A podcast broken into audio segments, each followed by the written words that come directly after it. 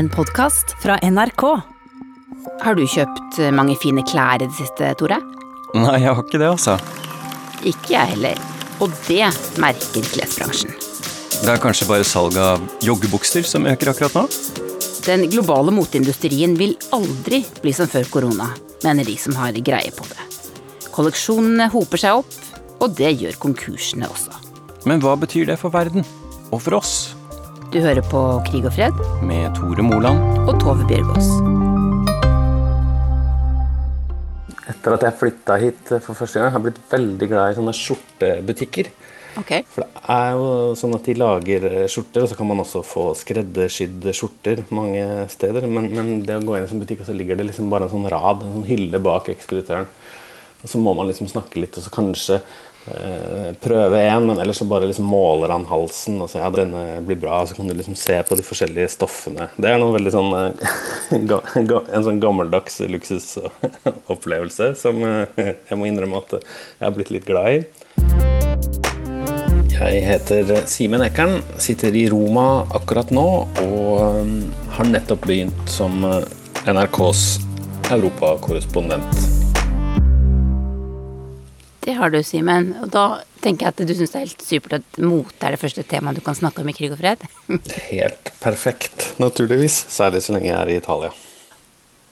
Eh, Hvis vi ser historisk på det, så er det jo fryktelig lenge siden moteindustrien ble veldig viktig for Italia. Vi kan i hvert fall gå tilbake til renessansen og Firenzes storhetstid og sånn, men sånn i nyere tid så er det vel sånn at Paris liksom tok over i mange år, og så kom Italia tilbake sånn etter krigen rundt da ideen om la dolce vita, søte liv, dukket opp igjen, og Roma plutselig ble den, den kuleste byen i Europa på, på alle mulige vis. Og amerikanske filmskapere kom til Roma, og og motehusene i Italia eh, fikk et oppsving, eh, et dramatisk oppsving. Da. Så da dukket det opp merker som, som, eh, som ble kjente i hele Europa, og det fortsatte da utover på 70- og 80-tallet, når man fikk de store, nye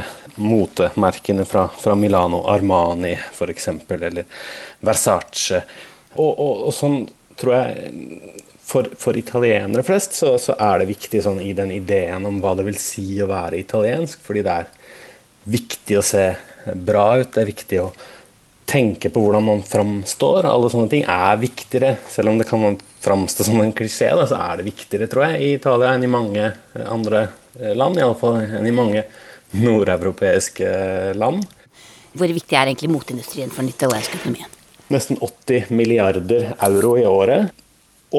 83 000 selskaper eh, så jeg i en oversikt eh, nylig, og de fleste av dem er ganske små bedrifter. og Da snakker vi om ja, en halv million mennesker da, som jobber eh, i, i moteindustrien. Så det er ikke bare liksom, noe som du legger oppå ideen om å være italiensk. Det er en, en viktig driver og en, og en, og en viktig forutsetning for, for ganske mange menneskers hverdag. Da. Ikke bare når man pynter seg med, liksom.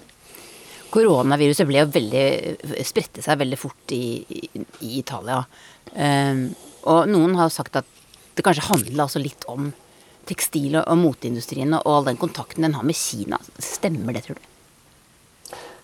Det er vanskelig å si, fordi hvis vi går ut fra at dette viruset sprer seg på en måte takket være globaliseringen, så, så, så kan det godt hende at det stemmer. Det er veldig mye kontakt mellom Kina og, Nord-Italia, så, så, det er én ting. En annen faktor er nok også som man vil måtte komme til å, å forholde seg til framover, det er at forholdene i en del av de stedene der eh, italiensk mote i Italia eh, skapes, både i Nord-Italia, eh, i områdene rundt Milano, og eh, i, i, særlig da i området rundt Napoli, så, så jobber folk, ofte migranter, ofte asiatiske migranter, under veldig kummerlige forhold. De bor trangt, de jobber trangt, de sover trangt. Det er selvfølgelig forhold som ikke er så veldig koronavennlige. Så her kan det kanskje eh, ha vært eh, en forbindelse i starten. Nå har ikke jeg sett noe fellende bevis på det, men, men, det er jo ikke noe tvil om at den måten å organisere arbeidslivet på, uansett hvilken sektor vi snakker om, vil måtte forandre seg. så det, det, må man også forholde seg til. Og det er jo en bit av denne moteindustrien som har blitt veldig sterkt eh, kritisert både pga. forholdene for de som jobber der, og pga. bånd til økonomisk kriminalitet, og sånn, særlig i den biten av moteindustrien som handler om forfalskninger, f.eks., for eksempel, eller eh, å, å, å, lage ting som, som, skal ligne på det som jo egentlig er Italias stolthet, av den, den virkelig liksom, gode håndverkstradisjonen. Det er jo det denne podkasten handler om. Hvordan eh, koronapandemien kanskje har tvunget moteindustrien inn i en, en forandring mange mener måtte komme. At man kan ikke fortsette. Det er ikke bærekraftig å produsere så mye. Og det lages altfor mye klær, rett og slett. Er det debatt om mm. dette i Italia? Ja, det er jo eh, debatt om det i Italia. Og jeg tror at eh, hvis man klarer å komme seg bort fra den redselen for at man ikke klarer å produsere veldig mye veldig billig eh, i konkurranse med, med, Kina, så må man på en måte vende tilbake til å rendyrke den ideen om at vi lager ikke så veldig mye, men vi lager ting som er veldig bra. Da er man selvfølgelig avhengig av kunder som har råd til å kjøpe det, som er villige til å betale den prisen. Mange av de store merkene som har flaggskipbutikker ved spansketrappa her i Roma f.eks., at der er det eh, et dramatisk fall i, i, varer som blir kjøpt, mye fordi at de i så stor grad har solgt eh, ting til, til store grupper med asiatiske turister, som i gjennomsnitt bruker to-tre ganger mer av lønna si på den type luksusprodukter enn det eh, italienske forbrukere gjør, og som har bedre råd. Når den kundegruppa, hvis den kundegruppa forsvinner over lang tid, da, så er det klart at da snakker man jo om eh, et tap på mange millioner euro i året. Et sted mellom 20 og 40% fall i omsetningen er det vel det mange av uh, motehusene opererer med, ser jeg, som fram mot 2021, 2022. Så man, man kan jo ikke bare sitte og lage høykvalitetsprodukter for seg selv heller. Man trenger jo noen som, som skal kjøpe dem. I slutten av februar viste de italienske motehusene Versace og Gucci sine vinterkolleksjoner for 2021 i Milano. Da hadde koronaviruset allerede kommet til byen, og mange av gjestene havna i karantene. Et par uker etter ble rivalen Chanels vintershow i Paris det siste før motebransjen bråbremsa. For i april stupte salget av klær med nesten 80% i USA, og det var ikke bedre i Europa. Katastrofale nyheter for en bransje som i årevis er blitt kritisert for voldsom overproduksjon. Britiske Burberry avslørte f.eks. i 2018 at de hadde brent klær og vesker verdt mer enn 300 millioner kroner hvert år, fordi de produserte mer enn de klarte å selge. Det har jo vært et maskineri av luksus, overdåd og reising og eh, handling og kjøp og det var ikke nok å bare ha to sesonger, plutselig skulle man lage seks sesonger for de store motehusene og så det har jo vært en periode hvor vi har vært ekstremt godt vant, da, og det tror jeg har vært veldig overflødig. Det har jo ikke vært godt for noen ting, eh, verken for kloden eller miljøet eller noen ting. Mitt navn er Petra Middleton. Jeg jobber som sjefsredaktør i Norsk L. Hvordan har eh, de siste månedene vært i Norske el? Vi har hatt våre utfordringer, og det har vært en tøff tid, kan jeg si. Men motebransjen, moteverdenen, har den stoppa helt opp? Nei, det vil jeg ikke si, men uh, det har skjedd en stor endring. Hva slags endring er det dere har venta på? Nå, etter den eh, pandemien vi har vært igjennom, så tror jeg ikke det holder med å bare vise et vakkert plagg på catwalken lenger. Hva må man gjøre isteden? Du skal ha en funksjon, tror jeg. Men kanskje ikke du trenger ti par sko, kanskje du trenger ett par pensko, da, ikke sant. Altså, det er jo noe med Vi kan ikke bare, bare, bare kjøpe, og hele den der partysesongen som egentlig har vært øh, veldig luksus og red carpet og, og alt dette her, det, det, blir jo ikke av. Så det, går, det, er liksom en hel kolleksjon eller et helt uttrykk der som kommer til å forsvinne. Litt, i mindre grad i hvert fall.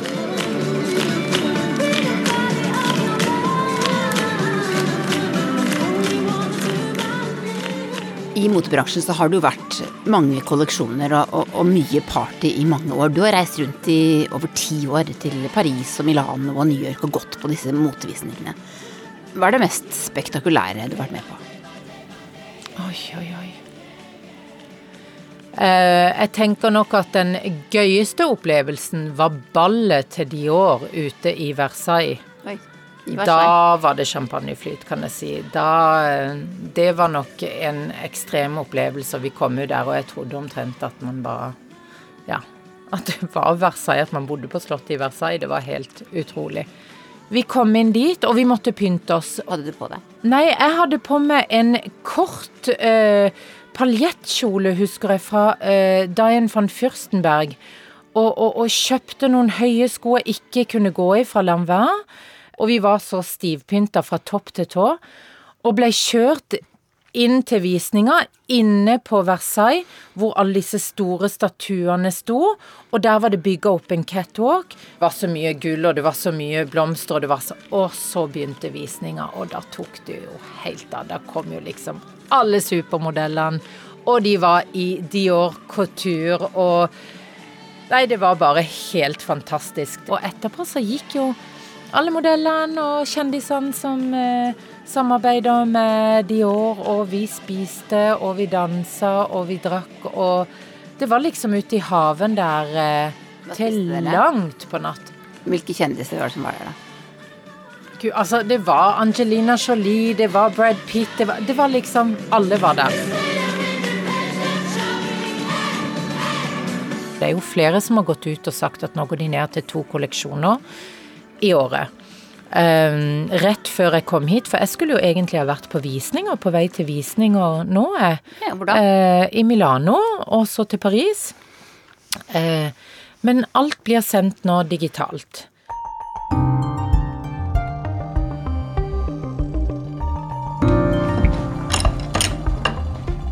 Du kan se på denne, for eksempel. Hva er det for noe? Det er en, eh, det er en sånn eh, tunikakjole? Det er en tunikakjole som har padded uh, Altså kviltet front. Veldig innsvinget i overdelen, sånn at du nærmest ser ut som du har et stort, vakkert bærestykke her. Med hvor lang ermer og en ganske vid og løs body, da. I jordfarger paisley kaller vi dette mønsteret her, da. Så dette er inspirert av en gammel ullkåpe fra 1880. ja. Jeg heter Tine Mollat og driver eh, et designfirma som heter Bytimo. Nå er vi i vårt hus, holdt jeg på å si, i Skåveien nummer 11 på Frogner. Hvordan rammet koronaen deg? Og det rammet eh, veldig, veldig hardt der og da. Eh, vi sto i egentlig en enorm vekstsituasjon. Vi hadde brukt 2019 på å reise masse spesielt til USA. Investert i dyre PR-byråer. Men varene eh, som skulle til USA, var ikke sendt ut når korona kom. Så det ble på en måte en brutal bråstopp. Og da sitter man jo med ansvaret for økonomien. Man sitter med et enormt ansvar for alle sine ansatte. Ja, jeg personlig kjente på et utrolig trykk. Eh, noen gikk jo hjem og syntes det var deilig å lukke døren. Eh, jeg kjente selv på Ja, fikk masse angst og uro. Liksom, hvordan skal vi løse dette? Og så stengte jo fabrikkene våre ned i India òg. Så da ble det jo lockdown ja, i Europa, i USA, India. Liksom uansett hvor man prøvde å ta kontakt, så var folk i, i denne samme situasjonen. Det stoppet bare helt opp? Bråstoppet. Hva tror du kommer til å skje med bransjen nå de neste årene? Ja, nå har jeg vært i den i 40 år snart. Eh, og jeg tenker at man har jo vært med på å se enorme volumer, ikke under Timo, da, men hos andre. Vekst, vekst, vekst, vekst for uansett hvilken pris, på en måte. Litt grådighetskultur. Lage mest mulig til veldig lave priser, veldig spesielle mekanismer hvor det bare er pengene som uh, styrer. Det stupte over kanten, og man så jo Nå kan jo mange skylde på korona, men hvis man tenker på hvor mange som egentlig ble nedstengt av f.eks. USA, da, før mars Det er ganske mange det siste året 2019 som ble lagt ned. Mange butikker, mange merker, altså som bare har belånt og belånt og belånt og belånt penger, for de tror at rundt neste sving så er det en ny suksess som venter. J. Crew, Neiman Marcus og Roberto Cavalli heter noen av merkenavnene som har gått konkurs de siste åra. Butikkdøden ramma klesbransjen hardt allerede lenge før viruset kom. We'll miss you, Barneys! Barneys het en av butikkjedene som måtte stenge dørene i 2019.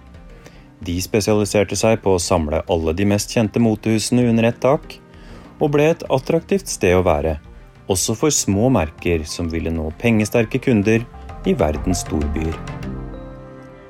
Eh, Barneys De hadde jo kontrakter med oss som gjorde at hvis de ikke solgte varene, så kunne de sende tilbake 50% av varene sine, altså som de hadde kjøpt da, egentlig. Eh, det er et, noe jeg veldig, veldig, var veldig negativ til. Men Barnis hadde jo én en eneste ting som jeg så det. Og det er at de hadde et veldig, veldig sterkt varemerke. Barnis. Ikke sant? Sånn at folk tenkte ikke så mye på hvordan de drev det fra innsiden. Men det, var jo, det ble jo ren markedsføring for oss. Kosta, kostbar sådan. Og formidle at man var der. Hva lærer dere som er i bransjen av alle disse konkursene? Merker i dag som ikke har allerede en, et riktig verdisett, som, man, som jeg sier, da, i forhold til å ta vare på miljøet så godt man kan. For det er jo en shitty business. Eh, ikke sant? Ta vare på miljøet, menneskene. At man bidrar til noe positivt samtidig som man gjør noe som man egentlig ikke kanskje skulle ha gjort, da. Men alle trenger, vi trenger jo klær. Eh, så tenker jeg de som ikke har startet de prosessene, har veldig, veldig dårlig tid. Og det blir litt som matindustrien som begynte for noen år siden. Nå er vi veldig bevisst på hva vi spiser, hva vi på, får i magene våre, på en måte. Og jeg, vi er også på vei som forbrukere til å bli veldig opptatt av hva vi tar på oss på utsiden. Hva det er laget av, liksom er det mennesker som har fått godt nok betalt? Har man renset vann i den landsbyen man jobber i? Hvordan blir det transportert? Og i da mange artikler som er spennende å lese, så er det jo det spørsmålet hvordan kan en sandwich koste mer enn en T-skjorte? Ikke sant? Det er jo Altså, bare der har man tusen spørsmål. Og jeg tror alle som driver godt, og kommer til å drive godt fremover, stiller seg også de samme spørsmålene. At man tar ting på alvor. Samtidig som man selvfølgelig må ha gleden ved å skape sitt eget uttrykk. Hi there. I'm Scott Sternberg, and I want to tell you about my new brand. Scott Sternberg er en amerikansk designer som har stått bak flere klesmerker som har måttet legge ned. Også han mener motebransjen har vært altfor lite bærekraftig og at en stor endring må til. Men koronapandemien har blitt en slags suksess for Sternberg. De siste åra har han designa pastellfarga joggedresser som han har solgt rett til kundene på nett. Salget av de posete kosedressene økte med 622% bare i mars. Nå sliter selskapet hans med å produsere nok til alle kundene på hjemmekontor. Simen, hva har en italiener på seg på hjemmekontoret? Det husker jeg tenkte på så helt tidlig i nedstengninga her i Roma, at, at italienske moteselskaper var veldig tidlig ute med å lage sånn Nå, her er hvordan du skal være kledd i hjemmekontormøte. Jeg tror det tok én uke før Ermenegildo Zenia, som er liksom selve nestoren av produsentene av, av herredresser, særlig Alltid hvordan man sier det navnet, faktisk. Ja, Det er det som er så gøy med det Si det navnet, at det er så vanskelig å si at man må gjøre det flere ganger. Ermenegildo Zenia. Tenk å ha et sånt navn på et uh, motehus i utlandet. Men det funker jo kanskje litt derfor, da. Men han sendte ut, eh, eller han, selskapet sendte ut eh, sånn e-postreklame veldig tidlig i nedstengningen, der det var forskjellige sånne veldig sofistikerte kasjmirbukser som passet veldig bra til en sånn lett skjorte og kanskje en litt løsere blazer når man skulle sitte og ha møte på Skype eller Zoom. Og det var veldig sånn direkte retta mot liksom, her er du hjemme, men, men, det skal være elegant og komfortabelt likevel. Ellers så er du ikke den du pleide å være før eh, pandemien, var på en måte budskapet at man prøvde å få folk til å kle seg opp for å føle seg vel hjemme også, da, på, på hjemmekontoret. Men det er klart det er vel en strategi med en begrensa suksess. De aller fleste trivdes kanskje best i treningsbukse når de var hjemme her i, i Italia også. Så det der eh, er en utfordring både for moteindustrien og for italienere. Men tror du det blir en varig endring i, i Made in Italy, og hvordan, hvor viktig det er for, for Italia?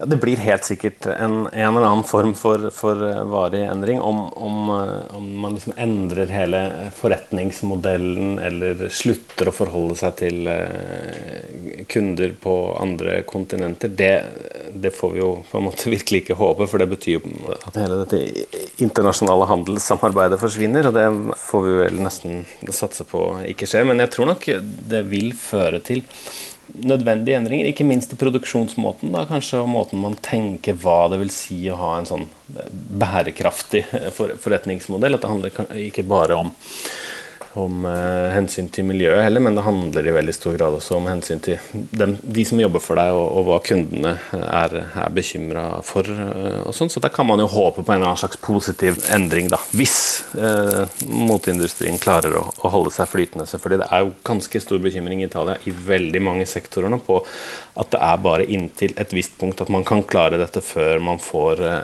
problemer som er irreversible i, i en del uh, sektorer. Så det er mange som holder pusten i Italia nå. Det blir en ganske tøff høst, og det er vel egentlig ingen som helt vet hvordan landet ser ut når man kommer uh, ut av denne pandemien på et eller annet tidspunkt.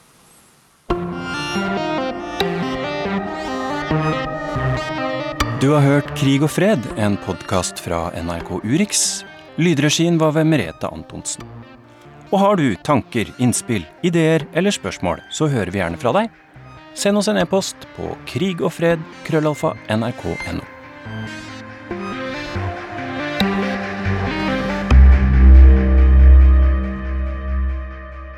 Du har hørt en podkast fra NRK. Hør flere podkaster og din NRK-kanal i appen NRK Radio.